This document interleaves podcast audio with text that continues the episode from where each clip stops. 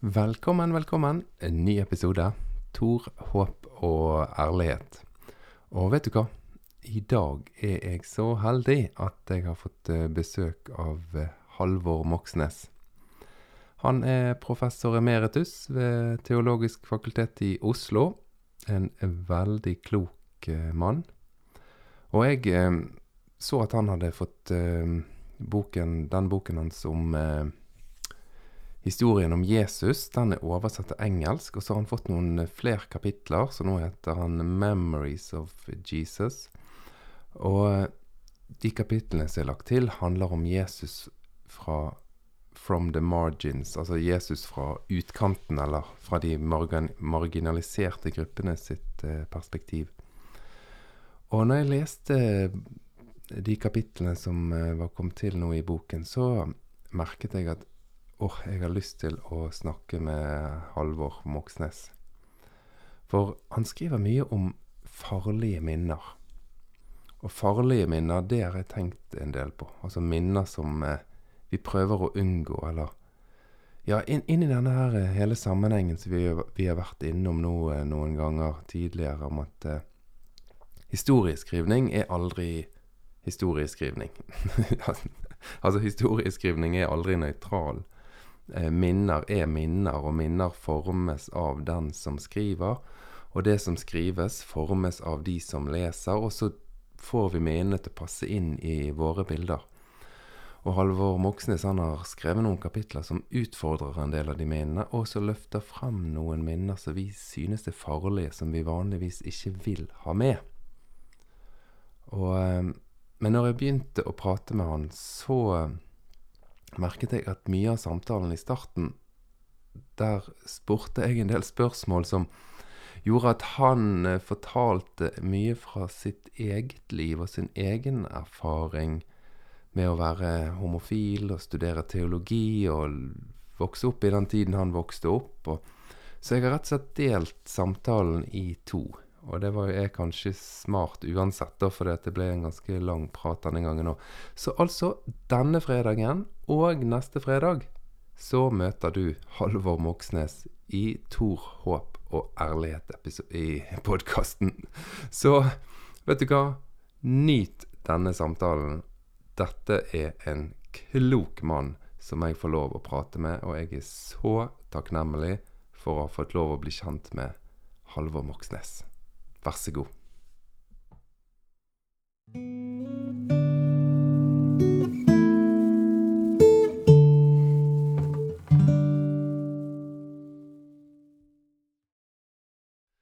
Ja, da må jeg gratulere med ny bok Eller ikke ny bok. Det blir oversatt bok, men med en utvidet, uh, en utvidet utgave. Stemmer ikke det? Jo, det stemmer. Fordi at uh, den norske boka hadde jo f.eks. da uh, om historien om Jesus hadde jo da et uh, kapittel om den norske Jesus. Og, og, det fant jeg ut at med et hovedsakelig amerikansk marked var det ikke så aktuelt.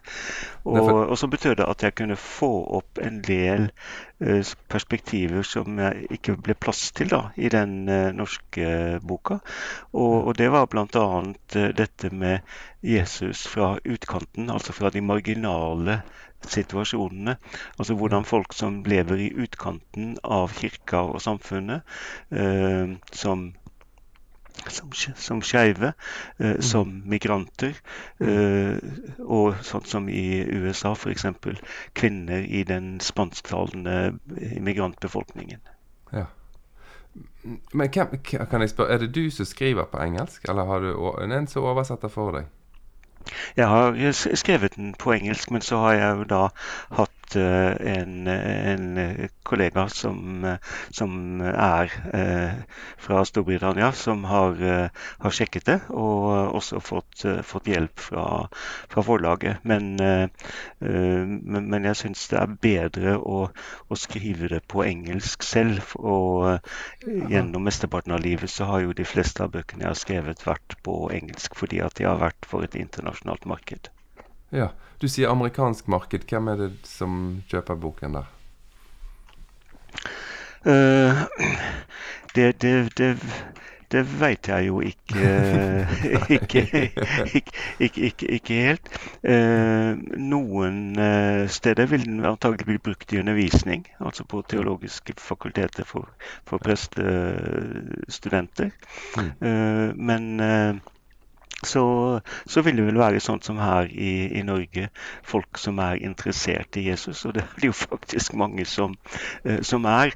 Og, ja. og, også fra et eh, eh, altså ikke, ikke, bare fra det konservative miljøet, men, men også fra, et, fra miljøer som er interessert i hva skal vi si, forskere arbeider med nå. Mm. Du, vi kommer litt tilbake, eller ganske mye tilbake, til boken din eh, seinere. Men før vi gjør det, hadde jeg veldig lyst til å høre litt med, mer med deg om hvordan din interesse for Jesus oppsto, og gjerne helst fra ungdomsalder. Hvor, hvordan var din vei?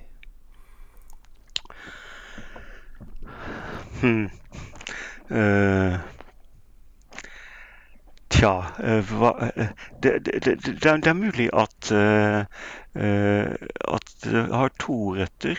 Mm. Det ene er skolelagsbevegelsen. Jeg, jeg, ble jo med i skolelaget ja. som på realskolen og, og sånt. Og det, var et, et, viktig miljø. Så, mm. så holdt jeg på å si, vokste jeg jo ut av det fordi at det, det, det, det ble for innestengt og, mm. og liksom for, for, kontrollerende av, av ungdommer.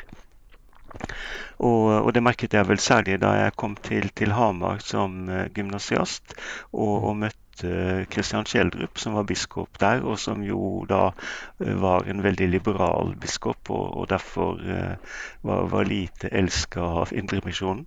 Mm. men prekenene hans, som tok opp problemene i verden i dag som gjorde det vanskelig å tro på Gud. Hvordan kunne man tro på en god Gud med atombomben mm.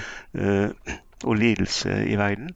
Uh, og så sluttet han alltid prekenene sine med et salmesitat. Nei, mm. for all den ting jeg visste, kan jeg ei min Jesus miste. Ja. At, at det, det, var Han fant ikke noen skal vi si, intellektuelle løsninger på dette problemet.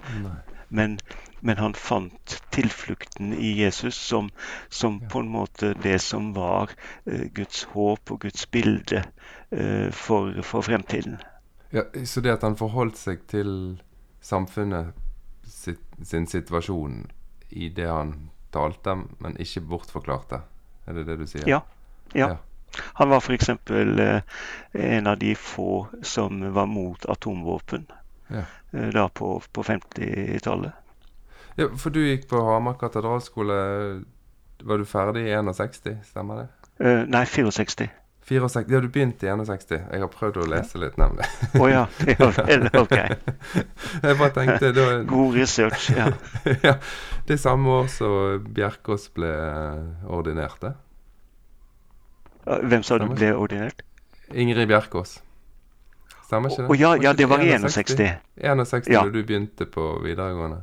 Ja. ja. ja. Husker Så, du det?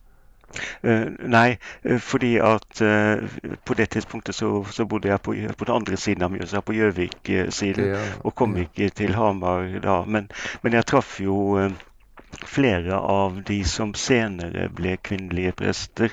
Eh, Agnete Fischer, som var ungdomsarbeider, og også som så da var teolog, eh, og, og, som etter hvert ble, ble, ordinert. Og jeg ble jo tidlig kjent med eh, flere av de, av, de, av de, første kvinnelige prestene, slik at det, det var jo også viktig for meg, da.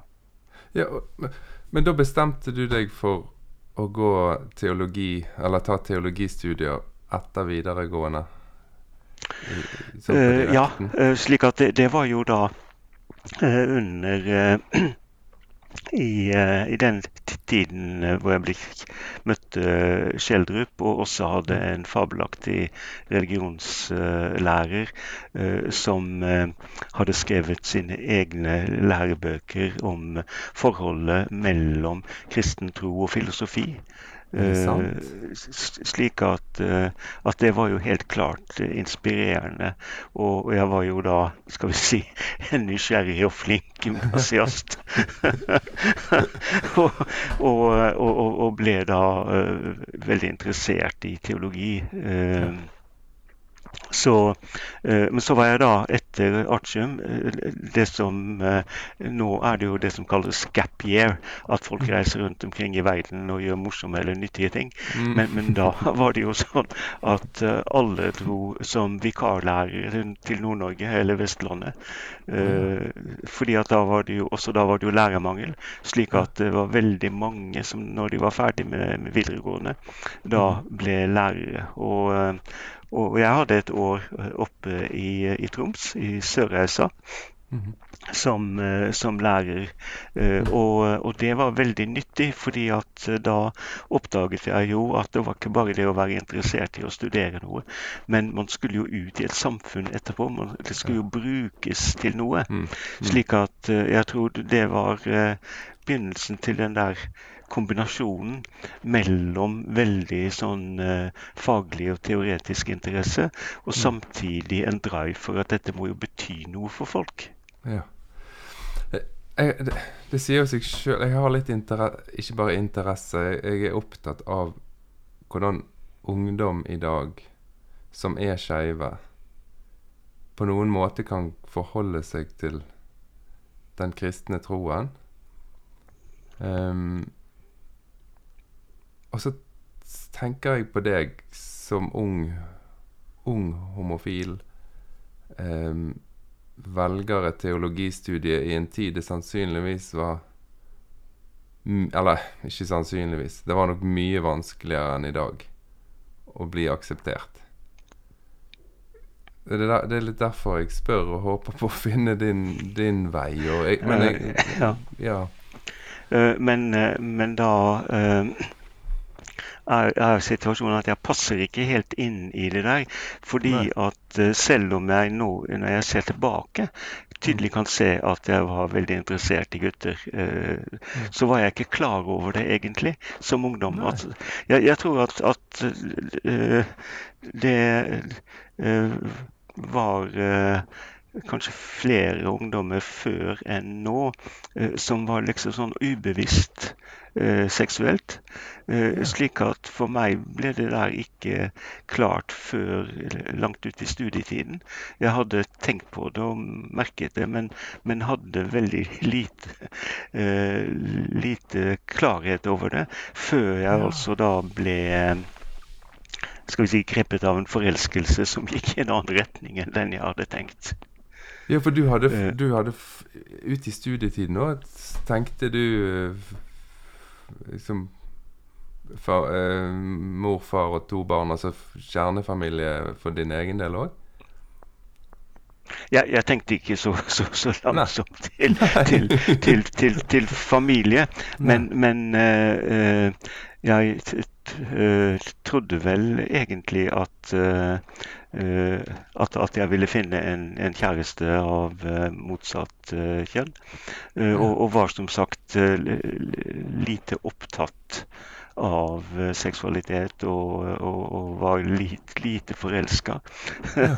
så, så, så, derfor så, så, kom det som en, en, ganske sånn sterk overraskelse for meg da, i slutten av, av studietiden. Ja, ble du redd, eller Hva, hvordan du følte du Ja, jeg, jeg, jeg, fikk jo litt sånn kaosfølelse. Men, men fordelen, den store fordelen jeg hadde, i motsetning til veldig mange unge kristne homofile, var at jeg jo hadde studert teologi. Ja. Og, og, var blitt klar over at uh, uh, veldig mange spørsmål. Du finner ikke direkte svar på dem i, i Bibelen, fordi at Bibelen snakker ut fra, fra sin uh, situasjon, sin tid, og, og, de spørsmål som var uh, aktuelle da. Uh, og derfor så, så, må vi kombinere det som står i, i, Bibelen, skal vi si kritisk, med hva vi nå vet om mm. samfunnsforhold, også da om seksualitet. Og, og menneskers erfaringer. Og da var det jo helt klart at en forelskelse i en person av samme kjønn, det står det jo faktisk ingenting om i Bibelen. Det, det var ikke noe man tenkte seg. Fordi det, at den er skrevet ut fra en familie, patriarkalsk situasjon. Men det klarte du å tenke da i 1972 eller 77 eller et, ja, ja, ja, nei, stemmer. Sånn ca. 1970-71, ja. Ja. Og, ja, fordi at uh, det, det, var jo det samme type spørsmål som dette med, med kvinnelige prester, som jeg nevnte. ikke sant? At, uh, at det var jo veldig mange, uh, og særlig da i, også i det kristelige skolelaget, som var veldig motstandere av kvinnelige prester. Og da var det jo at ikke sant, at jeg skjønte jo tydelig det at prester i et samfunn i det 20. århundret, det var faktisk ikke det som var situasjonen eh, på, eh, på Paulus' uh, tid. Likestilling var ikke funnet opp. Uh, menneskerettigheter var heller ikke uh, funnet opp. Så, og, og, og, og, skal vi si prestetjenesten i Den norske kirke var heller ikke funnet opp. Nei, det var en stykke igjen der. Slik at Derfor så blir det sånn at du, du må jo tenke ut fra hva er hoved hovedprinsippene eller hovedideene i det kristne budskapet. Og det er jo at Gud ikke gjør forskjell på folk. Slik at det da å, å si at uh, fordi Paulus har sagt at kvinner skal tie i forsamlingen, så kan vi ikke ha kvinnelige prester i Den norske kirke uh, i det 20. århundret. Altså det, det, henger jo ikke på greip, for å si det enkelt og folkelig. Nei, Nei det, det, det, tenker selvfølgelig jeg òg. Men jeg siden jeg satt og leste litt og tenkte på Så ble jeg litt imponert, eller Du må jo ha vært litt ganske klartenkt og selvstendig type. For det er jo tross alt Det, det er jo 1972 at det ble opphevet den loven som sa at det var forbudt ikke bare i en religiøs og kristen sammenheng, men i samfunnet. Så du må jo ha vært eh, ganske ja, og, eh, og, og, det som jo er det interessante da, er jo med opphevelsen av den loven. Mm. Uh, så, så fikk du jo et skille mellom hva mange i kirken tenkte, og mm. hva samfunnet altså tenkte. og hva slik at det, det betød jo at da måtte Kirken tenke seg om, så de satte ned en eh, teologisk komité som skulle utrede spørsmålet om synet på homofile. Og. Eh, jeg var kritisk eh, til den komiteen i utgangspunktet da de kom med resultatet sitt i 77, var vel det. Men mm. i etterhånd så har jeg sett at de var faktisk kommet ganske langt i tenkningen. Fordi at de var helt klar over at spørsmålet om parforhold eh, mellom eh, homofile og, og, lesbiske, det er et nytt spørsmål som ikke omtales i Bibelen. Og Derfor så må man bruke skal vi si, de allmenne reglene man har for å Hvordan bruker man Bibelen når det gjelder etiske uh, spørsmål? Og da er det som jeg sier, at uh, da må man se det i lys av hvilken historisk situasjon var det Bibelen var, ble til i, og hva var det den var opptatt av? Og den var jo da opptatt av f.eks. dette med at eh, i et patriarkalsk eh, samfunn eh, og et bondesamfunn eh, hvor, man er avhengig av eh, skal vi si odelsjente eller odelsgutt til å overta, eh, så, så, er det ekteskapet, familien, som, som, er det som gjelder. Og i den situasjonen som jødene levet i, så var, var dette med sex mellom menn det var noe som preget hedningene. Ja eh, grekere og, og, og, romere. Og da er det klart at vi tar avstand fra det hedninger gjør. Ja.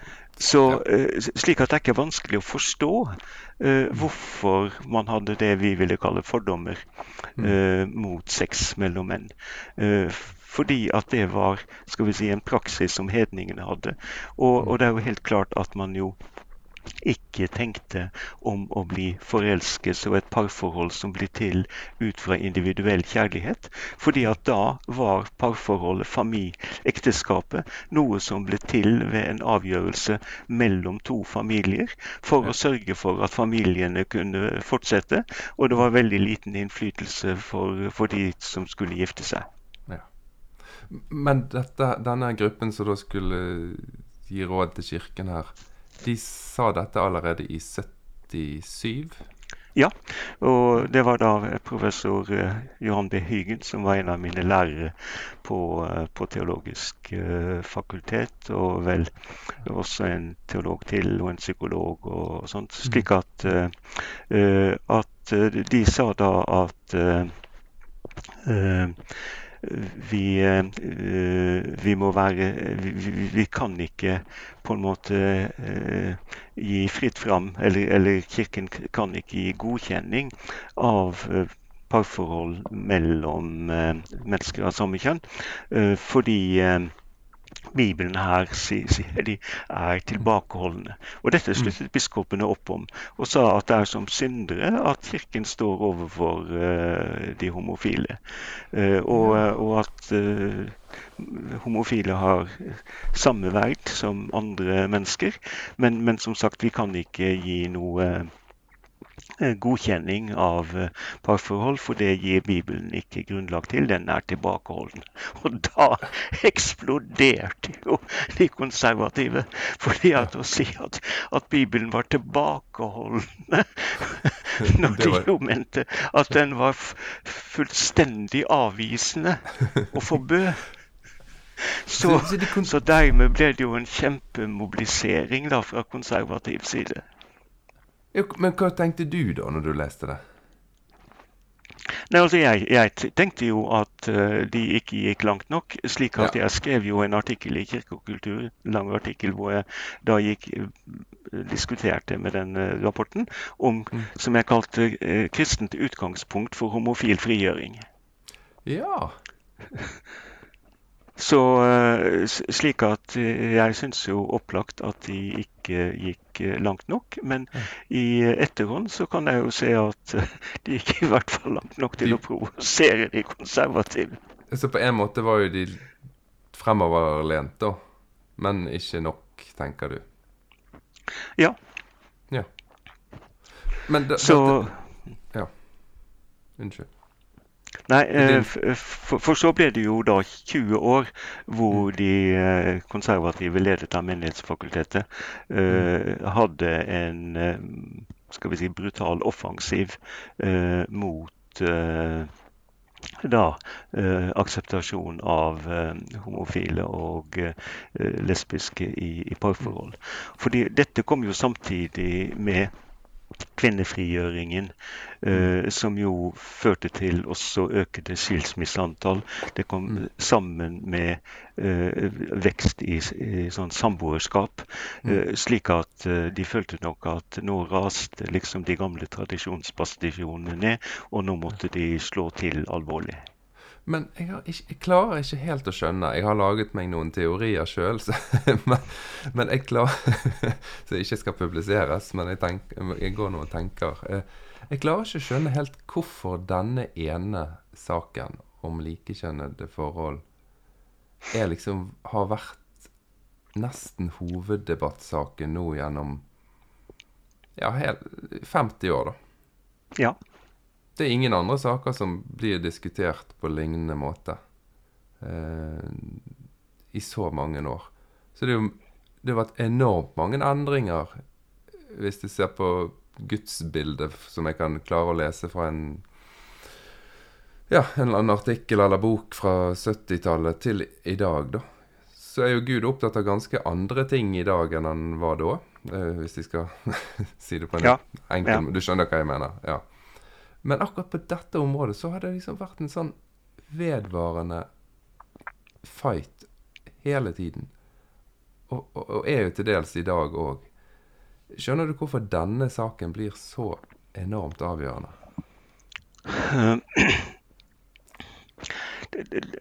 Jeg, tror jo at det er fordi at den er liksom knyttet eh, ikke bare til seksualitet, men den er også knyttet til kjønnsroller.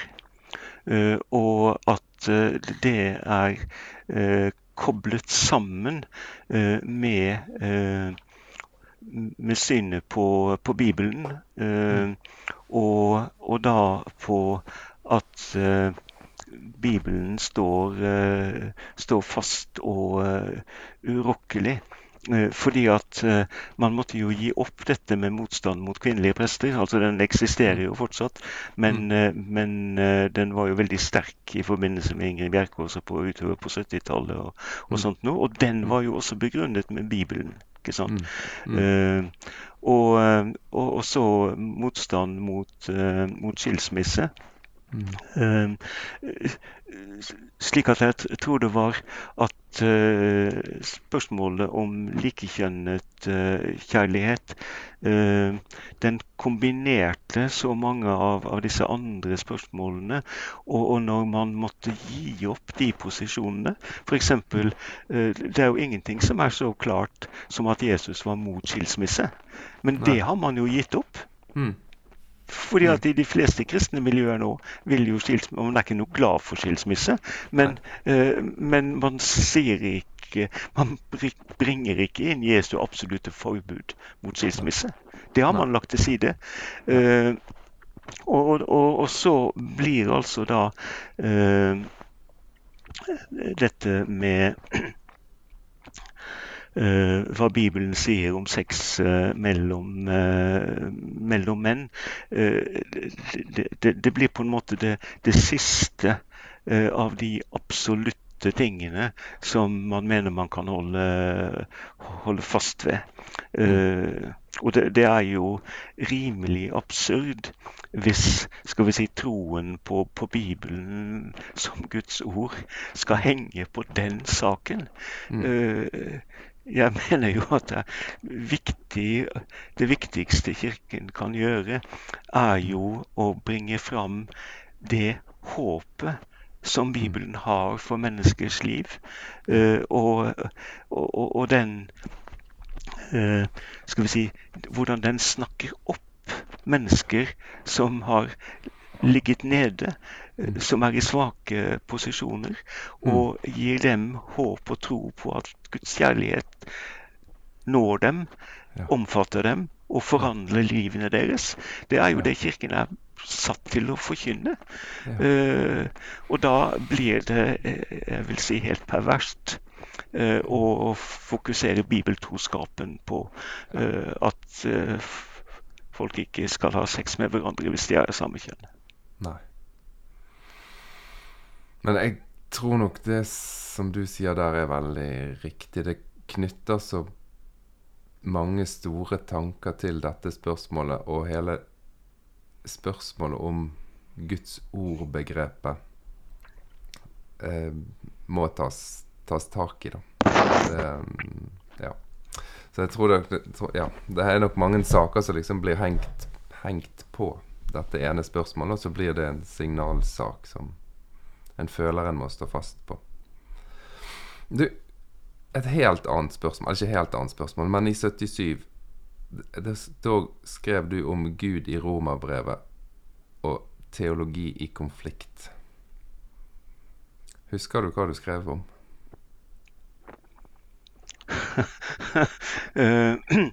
Slemt spørsmål. Det er så langt tilbake, men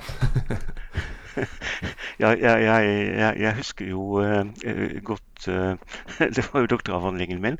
Og ja. så uh, brakk jeg beinet, slik at jeg ble sitt, sittende i, i, ro et halvt år. Og, og, dermed så laget jeg en sånn norsk populærversjon av dette. Med ja. Gud for de ugudelige, kalte jeg den. Ja. Og, og, og, det er jo da om Eh, hvordan eh, Gud er Gud. Eh, ikke bare for de som da var, var jøder, men, men, hvordan Gud var Gud for, for alle, også de som ikke hadde loven. Uh, altså ja. Dette er, er, jo da Paulus' uh, forkynnelse om at mm. her er ikke jøde og greker, her er mm. ikke trell eller fri, her er ikke mann og kvinne. Ja. Uh, men, men, altså alle er arvinger til Abraham som fikk løftet om mm. å bli en far for alle folkeslag. Ja. Det er jo også et kapittel som du da har med i, i boken din nå? Ja, altså perspektivet eh, eh, har jeg jo selvfølgelig holdt, eh, holdt fast ved. Eh, mm. For eh, nettopp dette med at Gud ikke gjør forskjell på, på folk, mm. det var jo også, skal vi si startutgangspunktet for den preken jeg holdt på den første solidaritetsgudstjenesten mm. i Oslo i 1982. Det, sant? Dette var før pride, slik at man kalte det solidaritet. ja. Jeg satt og leste fra Skeivt arkiv i går.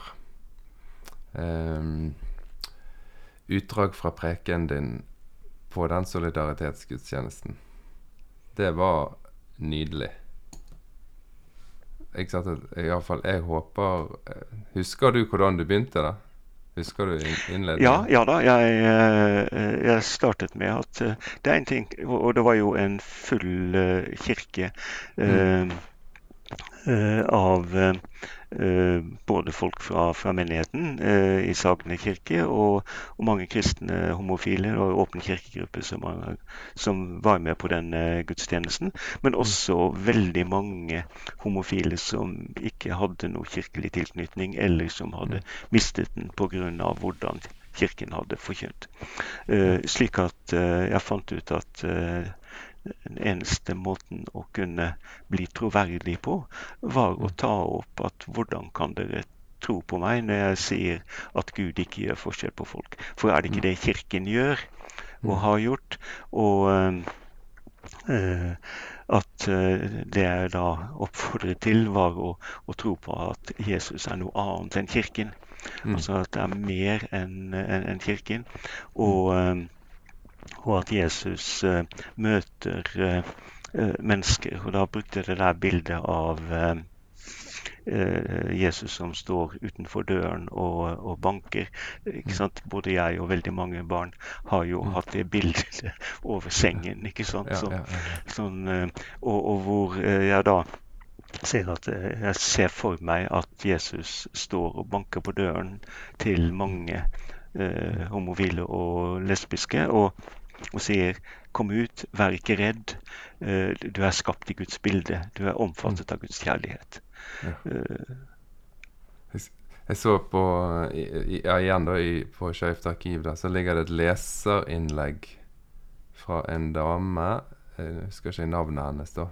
Men hun omtaler seg sjøl som ateist, og at hun hadde gått i kirken den dagen eh, fordi at hun var opptatt av at de homofiles rettigheter. Eh, men når du sa det Det er nok vanskelig for dere som er her, å tro meg når jeg sier Eller hvordan kan dere tro meg når jeg sier at Jesus ikke gjør forskjell på folk? Så beskriver hun at hun kjente at tårene presset på, og tenkte at ja, her går Kirken glipp av ja, mennesker som en, burde hatt en plass her, da. En nydelig nydelig artikkel, faktisk. Den skal jeg dele på Facebook når jeg deler uh, denne episoden her. For den er mm. veldig fin. Men du har jo vært en ganske Og, og er en ganske aktiv uh, mann, da. Jeg, jeg, visste ikke at du hadde jobbet i Roma òg. Eh, jeg hadde vært på, på studieopphold. altså ikke sant, På universitetet så, så har jo eh, lærerne sånn eh, studiepermisjoner med jevne mellomrom for å drive med forskning og oppdatering. Og, ja. og, da var jeg et år, og bodde et år i Roma på Det norske instituttet der. Ja. Som er en del av Universitetet i Oslo.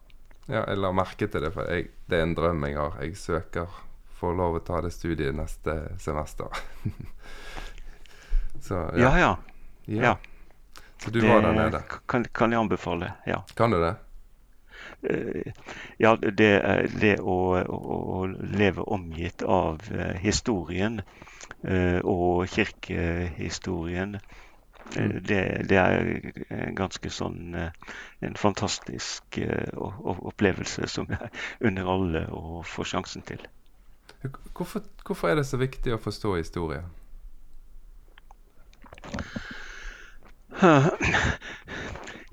historien har jo, uh, har jo formet oss.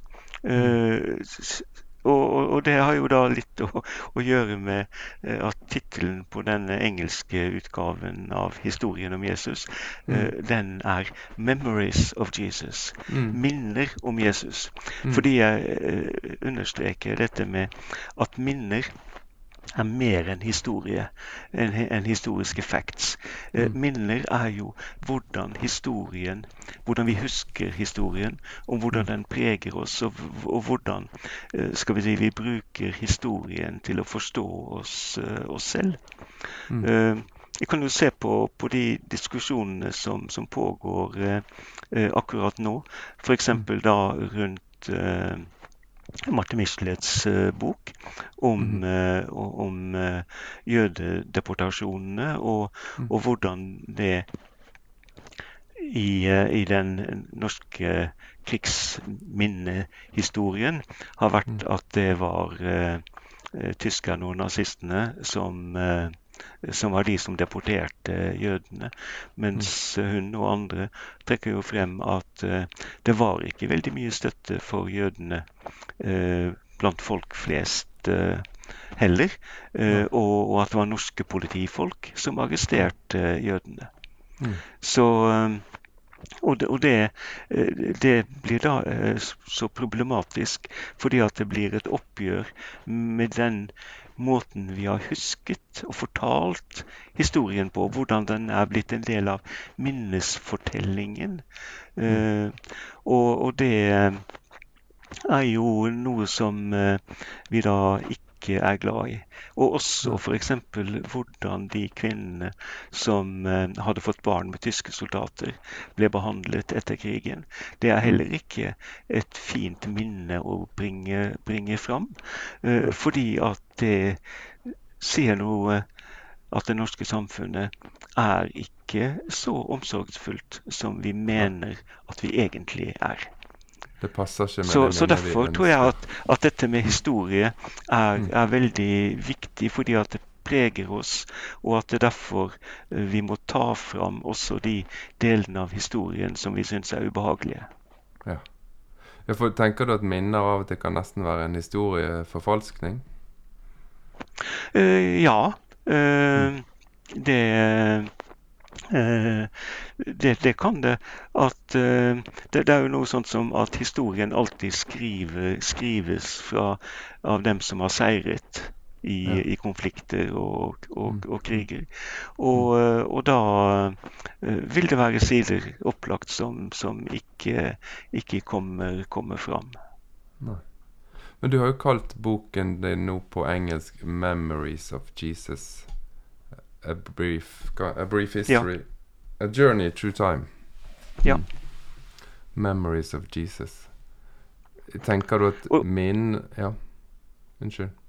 Nei, uh, du, har, du, har, sjansen til å spørre. Nei, Jeg bare lurte litt på om du tenker at de minnene som vi har om Jesus, òg da er, er formet sånn at de passer til en Til forfatternes og menneskenes ønske om å fremstille historien?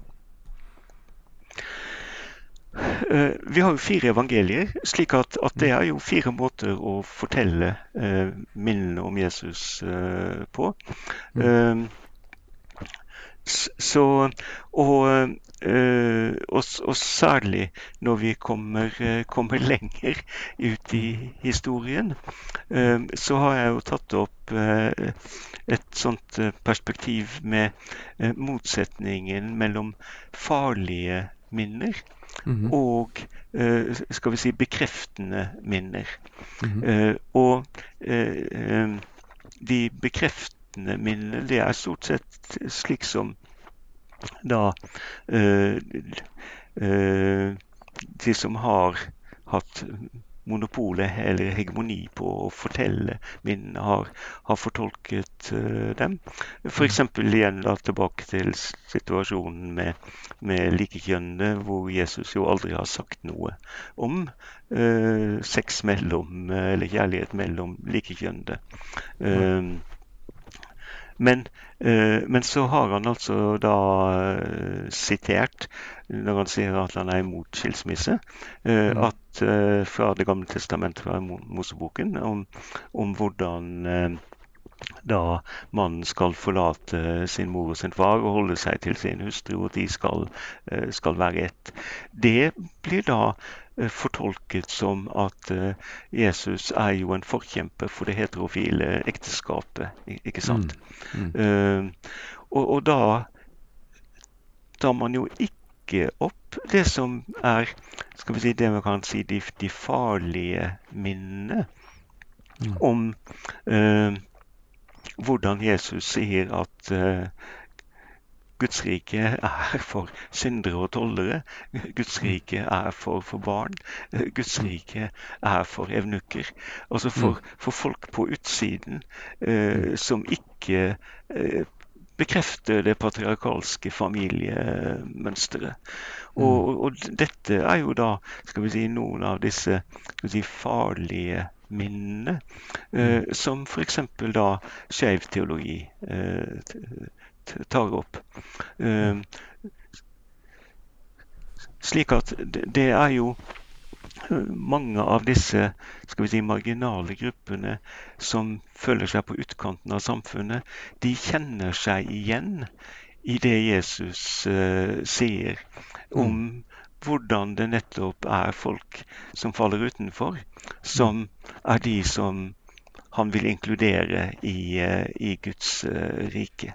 Mm.